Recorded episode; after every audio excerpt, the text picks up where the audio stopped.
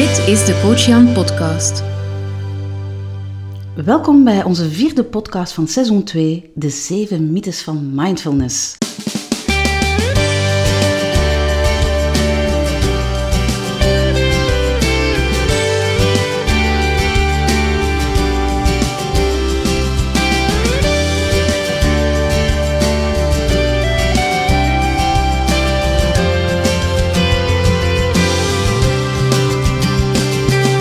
Welkom bij de Coach Jan podcast, jouw online gids naar een sprankelend en betekenisvol leven.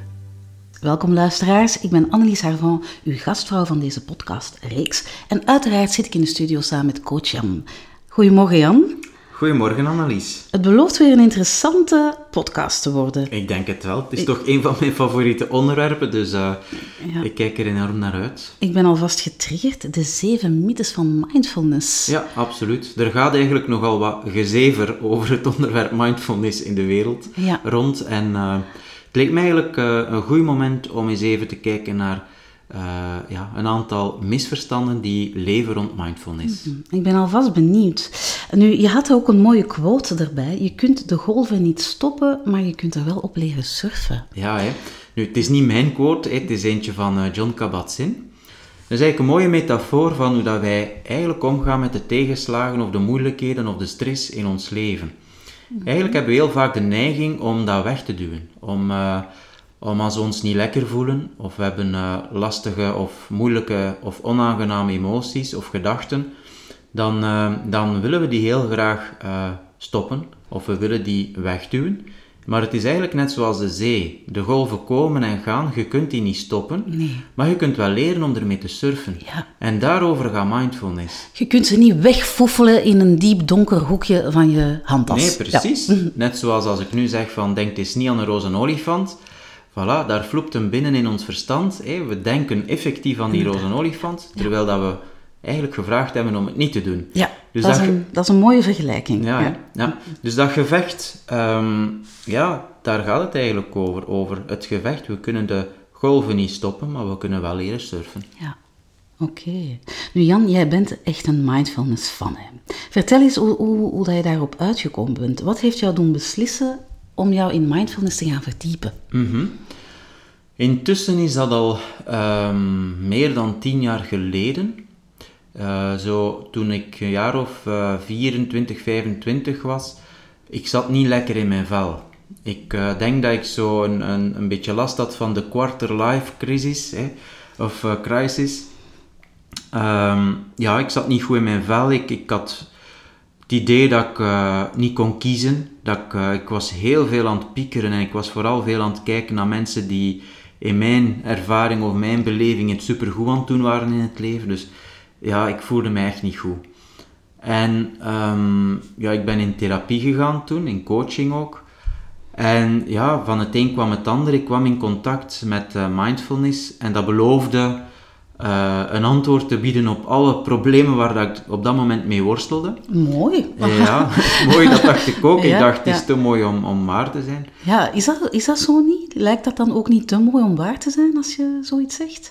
Ja, maar ik wou eigenlijk gewoon van alles proberen. Ik wou vooral verlost zijn van dat eeuwige gepieker en van dat okay. uh, gevoel van zo gestrest te zijn. En, ja.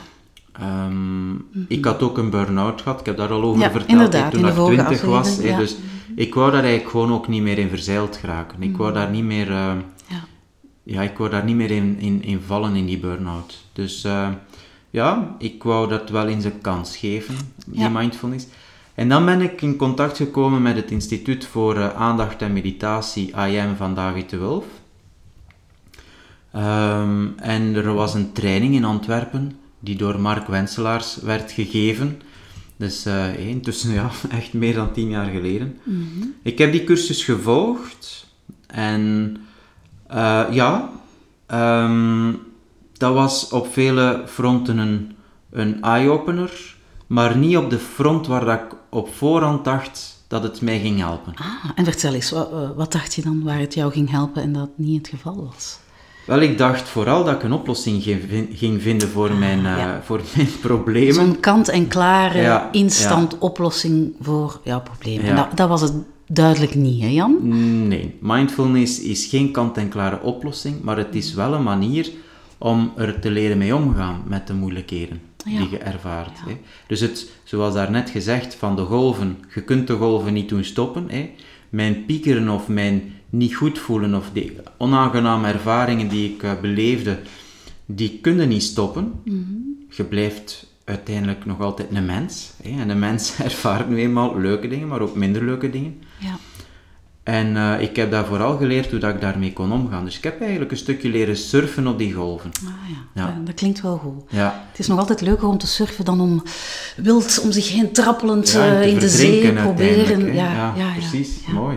Ja. En wel, maar die ene cursus, daar is het dan niet bij, bij gebleven, want uiteindelijk had ik na een tijdje zo het gevoel van, het is aan het verwateren, om even in het water te Ah, ja, blijven. inderdaad. Ja. Het is wel aan het verwateren en dan heb ik een tweede keer zo'n acht weken gevolgd, mindfulness. En daarna heb ik nog eens een derde reeks gevolgd. Oké, en was het telkens dezelfde reeks, Jan? Of, Ja, Ah ja, ja, ja, oké. ja. Ja. En daarna ben ik gestart met eh eh, trainersopleiding. Ah, Ja. Dus jij bent eigenlijk een volleerd mindfulness leraar. Nee. Ah nee, oké. nee, nee, want nee. volleerd, eh, dat zal ik nooit zijn. Oké. Ehm, maar ik heb wel fase, ehm, dus de verschillende fases gedaan. Ik ben eigenlijk op dit moment nog de fase 4 aan het afronden.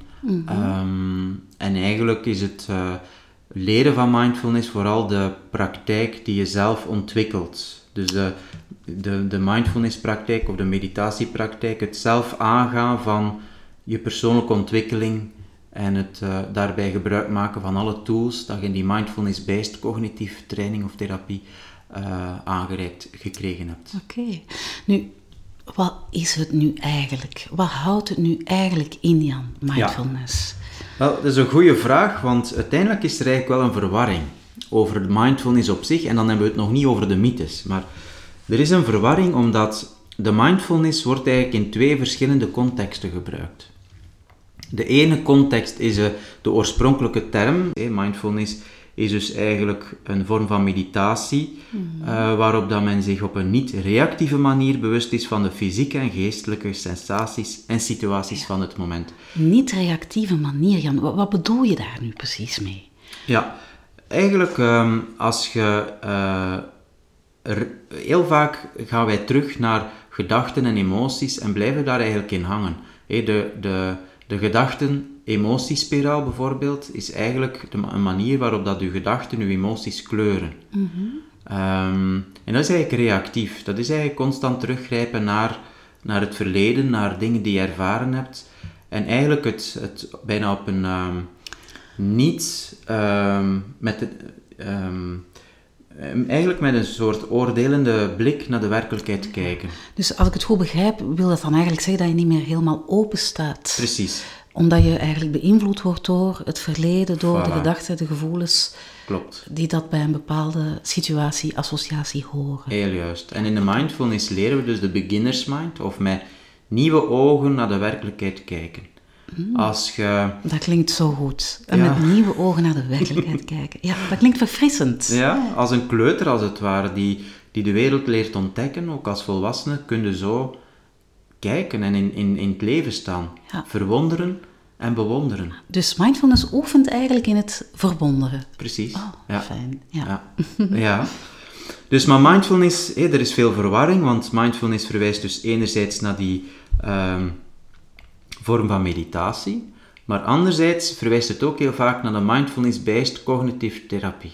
ja, en dat is dan nog iets anders. Dat is iets anders. Dat Ja. is eigenlijk het programma dat John Kabat-Zinn in de jaren, eh, ja, eind jaren 70 heeft ontwikkeld. Eh, John Kabat-Zinn werkte in een, eh, in een kliniek, in een ziekenhuis, en zocht eigenlijk naar een manier om met pijnpatiënten ehm, de pijn te verzachten. Omdat geen enkele vorm van medicatie hielp nog voor bepaalde mensen.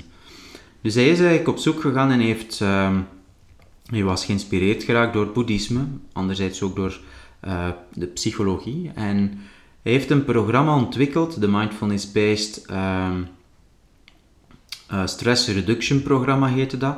En er is daarna ook het MBCT, de Mindfulness Cognitive Therapie, ontwikkeld. En mindfulness wordt dus heel vaak verward ook met dat programma. Ja. Dus sommige mensen zeggen van, eh, ja, ik doe aan mindfulness. En dan bedoelen ze eigenlijk dat ze gewoon de mindfulness meditatie vaak praktiseren als het ware.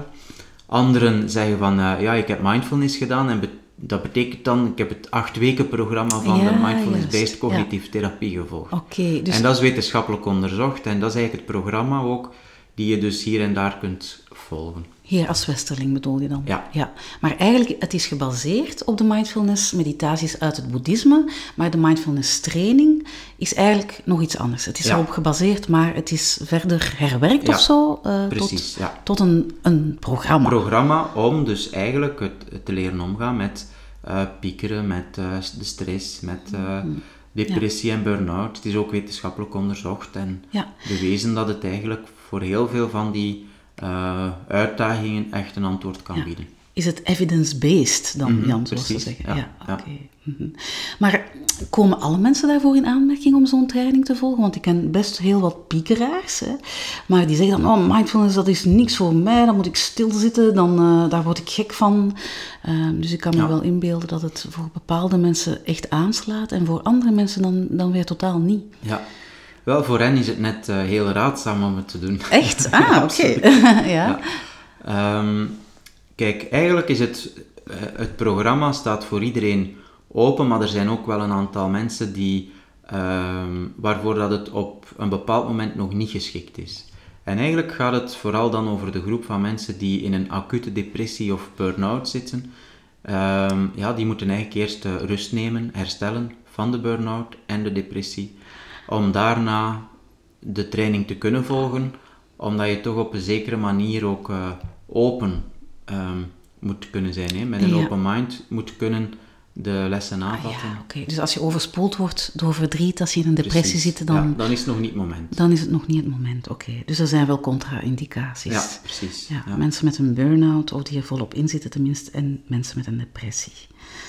Oké Jan, Eh, ja, de titel, hè, de zeven mythes van de mindfulness. Mhm. Vertel daar eens wat over. Wat bedoel je daar precies mee? Wel, ja, zoals in het begin van de podcast gezegd, zijn er heel veel misverstanden of mythes, of eigenlijk gewoon zever, die verteld wordt rond mindfulness.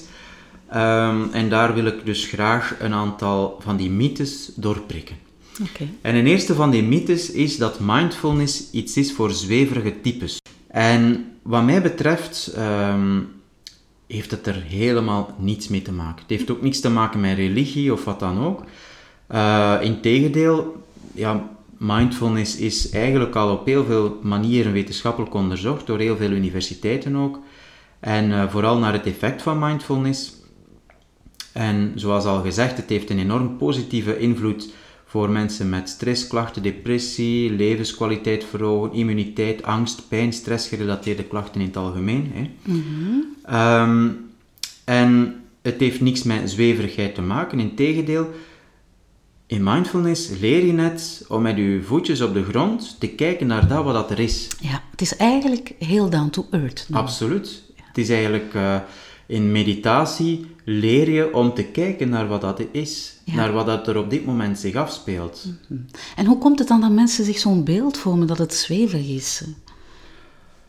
Goh, ehm, ik denk één door onwetendheid, Ja. door eigenlijk niet te weten wat dat, dat precies is. Meditatie heeft ook zoiets New Age-achtig, zo van de jaren tachtig. Ja, zo van, daar ehm, kleeft zo een kantje aan. ja, een New. Age-achtig kantje van... Ja. Ja, ja, ja. En ja, dat is jammer, want ehm, eigenlijk heeft het niks met, met zweverigheid te maken. Ja. dat is duidelijk. Ja. ja, en de mensen die mij kennen weten ook, ik ben totaal geen zweverig Nee, type. inderdaad, dat weet ik. Dus, eh, dat kan ik zeker beamen. Ja, ja. Dus, maar dat was, om eerlijk te zijn, wel tien jaar geleden een van de belemmeringen waarom dat ik misschien niet zou deelnemen aan mindfulness. Zo, Ja. Omdat ik zelf ook met dat idee zat dat het... eh, Zweverig ja, was. en ik Mm. had ook wel wat schrik. Zo, op het moment dat ik mij inschreef en dus naar, eh, naar die eerste sessie ging, ja, had ik ook wel een beetje bang van wie ga ik daar ontmoeten en, en dit en dat. Maar eigenlijk was dat vanaf het moment dat ik binnenstapte heel duidelijk dat dat niks voor... eh, dat, dat daar helemaal geen zweverige types en zo... En trouwens, wat is een zweverig type? Je ziet dat ook Ja. aan mensen niet. Ja, nee, inderdaad, ja. Moeten we misschien nog eens definiëren. Wat is het zweverige type? Daar kunnen we eens een aflevering aan wijden, Jan. Maar ehm, ja, dat was dus de eerste mythe. Hè? Mindfulness is voor zweverige types. En, en de tweede mythe? Mindfulness is voor en door boeddhisten. Dus eigenlijk, eh boeddhisten doen al duizenden jaren aan diverse technieken die ook in mindfulness worden gebruikt. Denk maar aan meditatie en yoga en zo. Ehm, maar het is helemaal niet zo dat als je een mindfulness training gevolgd hebt, dat je daar dan een boeddhist van zou worden of dat je geïntroduceerd zou worden in het boeddhisme of zo. Ja. Dat is helemaal niet zo. Nee. Ehm, nu, het boeddhisme heeft natuurlijk wel heel wat mooie technieken ontwikkeld, hè, zoals die mindfulness, eh, zoals die meditatie en die yoga. Ja. En uiteraard zou het dom zijn van die technieken die echt wel helpen, hè, Ja. van die niet te gebruiken. Nee. Dus ehm, Dat snap ik. ja, Ja, oké. Dus mindfulness is voor en door boeddhisten, dat is ook een mythe die inderdaad niet klopt. Hè? En een derde mythe, Jan. Ja, eh, mindfulness doe je om te ontspannen. Ehm, ik hoor soms ook mensen in zo'n training zeggen, ja, het lukt mij helemaal niet om te ontspannen. Of eh, ja, ik, ik ga meedoen met die, met die training om te ontspannen, hè, of om af te raken van waar dat ik wil afraken. Hè. En dat was ook de reden waarom dat ik ooit hè, met die Ja. training eh, startte. Eh, je doet het om een oplossing te vinden om. Hè. Maar daar helpt mindfulness niet voor. Dus het helpt niet om te ontspannen, Jan. Nee. Eh, of het, is, het heeft niet de bedoeling om te ontspannen. Ah ja. Maar een, een vreemd gevolg, of een, een gevolg van mindfulness, is heel vaak dat we wel tot ontspanning komen. Het is in feite een neveneffect. Ja, precies. Ah ja, oké. Dus eh, eigenlijk de, de, de meditatie of de mindfulness eh, meditatie helpt je dus om te komen tot, ehm, tot ja, inzicht. Tot, eh, je gaat eigenlijk gaan ervaren of je gaat precies ervaren wat, wat, er- wat er is. Mhm. Maar het heeft niet als doel om te ontspannen. Ja. Maar het heeft wel dat bijeffect. Het kan een bijeffect hebben. Ja, dus kan je dan toch niet stiekem toch wel die mindfulness training doen om toch maar ontspannen te geraken, Jan?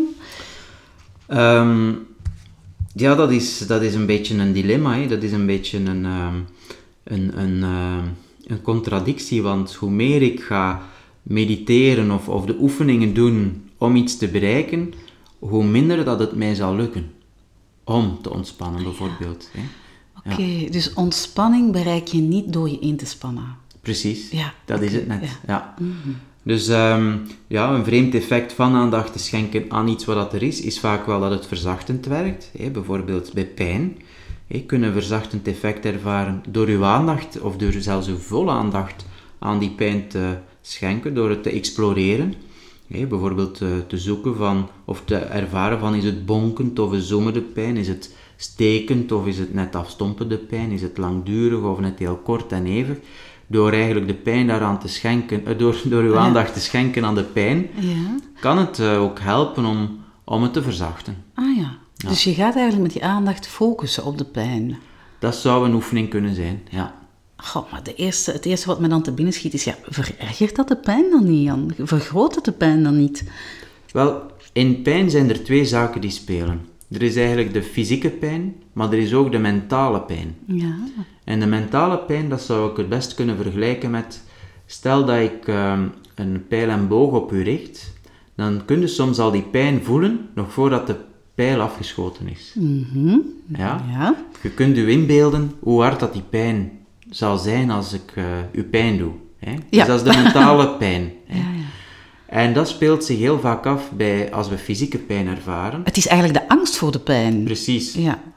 Het is eigenlijk als we pijn ervaren of hoofdpijn hebben, dan komt er heel vaak nog een heleboel eh gedachten bij, een heleboel eh, onaangename gedachten eigenlijk over het ervaren van die pijn. Ja. En dat is heel vaak hetgeen die ons extra pijn doet. Ja, het is echt een mentale, ja, een, een mentale definiëring van shit, wat, eh, wat, gaat dat, wat gaat die pijn mogelijks met mij doen? Ja, voilà. Ja. En dus eigenlijk kunnen we door ons te focussen op die pijn en eigenlijk ook te kijken welke mentale processen er hier allemaal gaande zijn en die eigenlijk een stukje eh, herkennen, benoemen, maar eigenlijk iedere keer terugkomen naar gewoon de fysieke gewaarwording, kunnen we eigenlijk een stuk merken dat, dat onze pijn ook verzacht. Ja, oké. Het is eigenlijk heel moeilijk om het allemaal uit te leggen, om het ehm, in woorden te vatten of te ervaren. Het enige dat je eigenlijk maar kunt doen is door te ervaren, Ja, kunnen er eigenlijk, eh, ja... je kan het enkel duidelijk. weten wat het is door het te ervaren. Ja, precies. Ja. Dus het is Ja. eigenlijk echt heel moeilijk om daar nu Ja, ja, ja, maar ik snap geven. het, ja. Maar eh, volgens mij heeft het misschien ook te maken met bewustwording rondom de processen eh, die die pijn veroorzaken. Ja, Eh, absoluut. Ja, oké, interessant. Goed, we hebben al drie mythes ontkracht, Jan. Ja. Wat is een vierde mythe? Ehm, door mindfulness nooit geen stress of depressie meer. Oeh, Ja. klinkt veelbelovend. Ja, absoluut. Ehm, ja, mindfulness, een, een, een nieuwe manier van leven waarbij dat je anders omgaat met die drukte en, en de razende trein die het leven soms wel al eens is. En dan ehm, ja, willen we die mindfulness gaan gebruiken om geen stress niet meer te ervaren of eh, om de depressie voor te zijn of eh, net te genezen van een depressie. Ehm, ja, dat, dat is dus ook een mythe.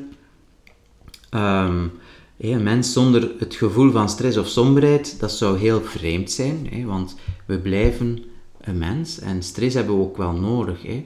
Ook gevoelens hebben we nodig en ook de onaangename gevoelens horen erbij. Dus ehm, Maar hebben we die dan nodig, Jan? Hebben wij onaangename gevoelens nodig?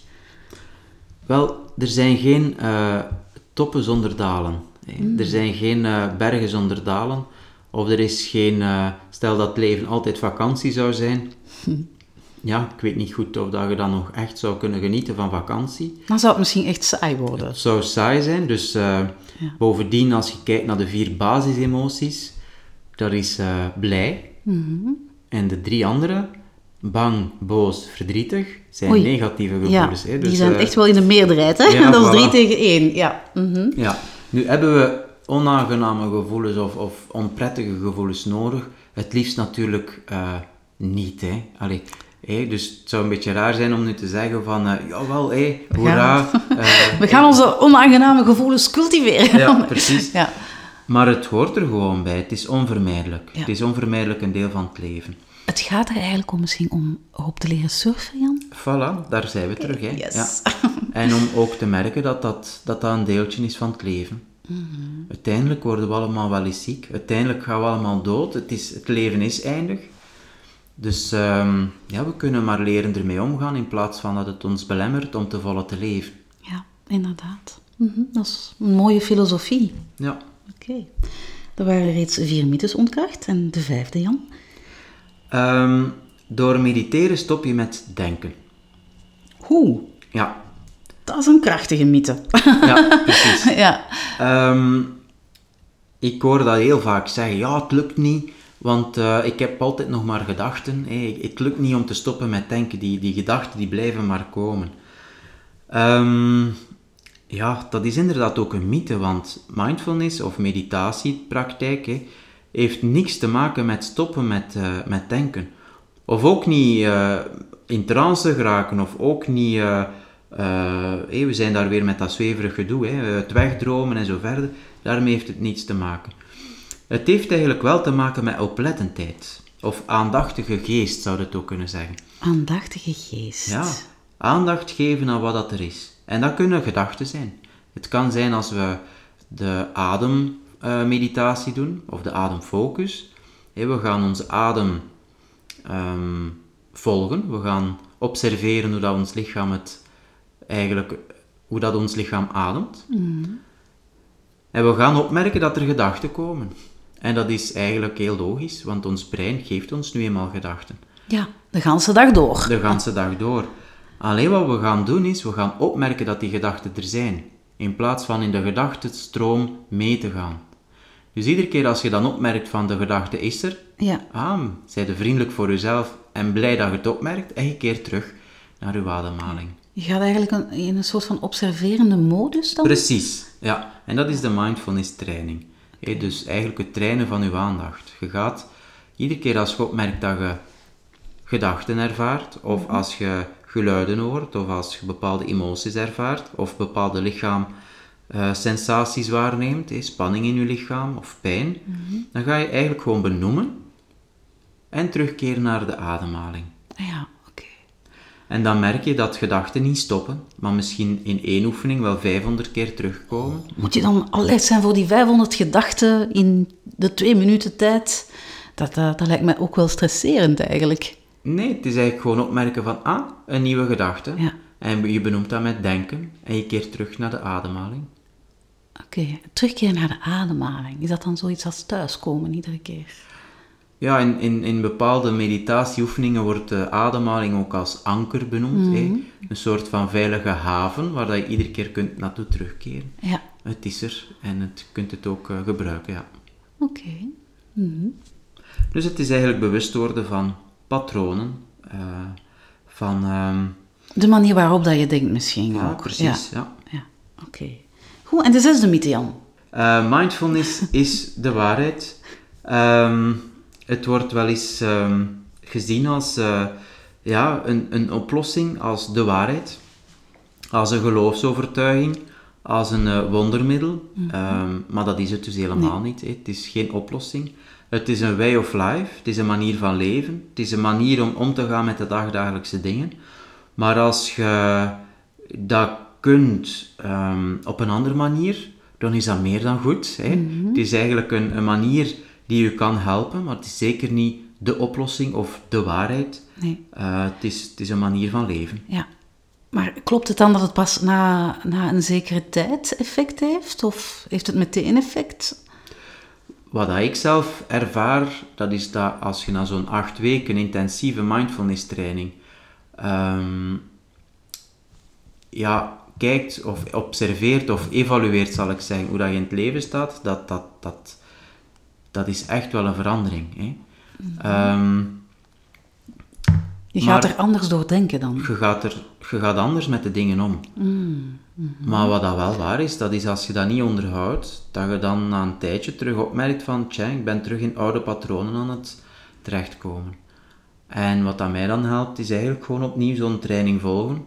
Of voor mijn meditatiepraktijk terug eh, eh, in handen te nemen of eh, ja, daar, daar actief iets mee te gaan doen. Het is een soort van reminder om het leven op een goede manier te leven. Ja, precies. Ja. Oké. Oké, en dan de zevende mythe? Dan is stop je met het maken van plannen in de toekomst. En dat is eentje waar ik zelf nogal in eh, verwarring eh, was een lange tijd. Ik heb dat ook met David de Wulf uiteindelijk eh, eens besproken, omdat er was zoiets, ik vond dat vreemd.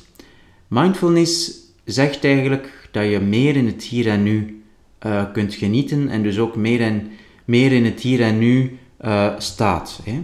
En ik, ik zag dat wel. Ik, zag het belang daarvan. Hè? We zitten heel vaak met ons hoofd in het verleden en in de toekomst. Dus ik was lange tijd bezig met, oké, ik moet dus helemaal in het hier en nu terechtkomen. En dan was ik zo in verwarring van, ja, maar dat betekent dus dat ik eigenlijk, ja, oké, niet meer in het verleden mag eh, rommelen. Dat, dat snap ik wel. Maar ik ben zo kei ambitieus eigenlijk. En ik Ja. wil eigenlijk van alles doen in de toekomst. Ja, plannen in de toekomst Plannen is ook wel leuk natuurlijk ja, en belangrijk. Ja, Ja, dus ik was helemaal in de war. En dan zag ik die David de Wulf eigenlijk ook super ambitieus zijn met heel zijn instituut en vooral al zijn boeken schrijven. Dus ik snapte niet meer hoe kunnen nu zeggen dat je in het hier en nu moet zijn, terwijl dat je niet anders doet dan in, het, in de toekomst bezig bent met ambitieuze plannen te verwezenlijken. Ja, hè. ja. Dus ehm, dat is een mythe. Hè. Als je mindfulness beoefent, mocht je zeker ook en vast eh, bezig zijn met, met plannen in de toekomst. Alleen ehm, mag dat, moet daar een gezond evenwicht in zitten. Hè, dus ehm, het gevaar van plannen in de toekomst is dat je alleen maar bezig bent met plannen in de toekomst. En dat je niet meer kunt genieten van de stapjes dat je zet richting dat doel. Ja, ja. En mindfulness helpt ons om bij die stapjes te, te zijn. ja. En ook te zien dat je in het hier en nu vreugde kunt ervaren. Of dat je kunt ervaren wat dat er ook is. Hè, maar dat je dus niet alleen hoeft bezig te zijn met die plannen, maar dat je ook in het hier en nu kunt zijn. Ja, het gaat eigenlijk over evenwicht. Het gaat over evenwicht, ja. Oké, dat is Ja. duidelijk, dat is duidelijk. Oké Jan, we hebben ze gehad, de zeven mythes. Ik zet ze misschien nog eventjes op een rijtje. Mhm. Dus mythe 1, mindfulness is voor zweverige types. Mythe 2, mindfulness is voor en door boeddhisten. Mythe 3, mindfulness doe je om te ontspannen. Mythe 4, dankzij mindfulness heb je nooit meer stress of een depressie. Mythe 5, door mediteren stop je met denken. Mythe 6, mindfulness is de waarheid. En tenslotte de laatste mythe, door mindfulness stop je met het maken van plannen in de toekomst. Ja, mooi. Oké, laten we dan nu eens even focussen op die trainingen, Jan. Jij geeft die, denk ik. Hè? Waar, waar moet je nu precies op letten bij zo'n training? Ehm, ik, ik herinner mij een aflevering van, ik dacht dat het Koppen was, het is al een tijdje geleden. En die brachten de mindfulness in beeld, maar ook ontzettend veel ehm, ja, charlatans eigenlijk. Ehm, het, het wordt, ehm, mindfulness wordt door iedereen tegenwoordig gegeven. En wat ik zelf ervaar en merk, ik, ik, ik heb nu tien jaar gewacht om, om zelf die mindfulness trainingen te gaan geven in groep. Eh, ik vond het eigenlijk ook ontzettend belangrijk om mij echt ook te gaan verdiepen in de mindfulness training, dus eigenlijk in de leer te gaan. Ehm, ja, wat ik eigenlijk zou willen aanraden aan mensen, dat is dat ze op zoek gaan naar een trainer die echt wel de mindfulness training als leraar heeft gevolgd. Ja, En dus eigenlijk, eh, wat, wat dat je kunt doen, is bijvoorbeeld naar de website gaan van, eh, van David de Wulf zelf, naar het Instituut voor Aandacht en Meditatie, ja, om daar te gaan kijken naar het aanbod, omdat je daar echt kunt vertrouwen dat dat mensen zijn die echt een super degelijke opleiding hebben gehad. ja. Of bijvoorbeeld naar Edelmaaks, ehm, de website surfen. Ehm, Dus Edelmaaks is ook een belangrijke figuur hè, Ja, in deze eigenlijk- mindfulness training. Precies, ja, ja. David de Wulf en Edelmaaks zijn eigenlijk eh, de twee pioniers in België wat betreft die mindfulness-based cognitieve therapie. Oké Jan, nu jij organiseert zelf zo'n training. Kunnen de mensen dan dat ook bij jou volgen? En wanneer dan? Wanneer dat mensen surfen naar coachjan.be slash mindfulness, ga je alle gegevens vinden over de data waarop dat ik het zelf aan mensen geef. Eh, er start nu eentje in, eh, in oktober. Ja, Dus op jouw website kunnen ze eigenlijk alle informatie vinden. vinden. Ja. Goed. Oké, het was alweer een, een boeiende aflevering, Jan. Ehm, ik denk dat de tijd erop zit. Ja, misschien wil ik nog stoppen met een quote van, eh van Edelmaaks dan, die hij beschrijft in zijn boek rond mindfulness. En dat is, uit een boek kun je niet leren piano spelen.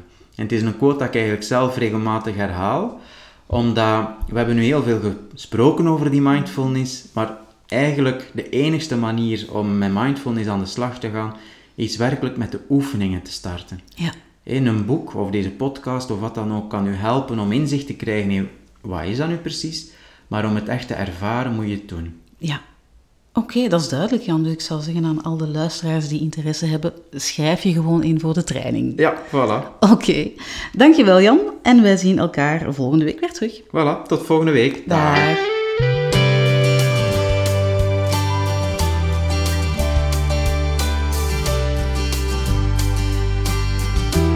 Dit was de Coach Jan podcast.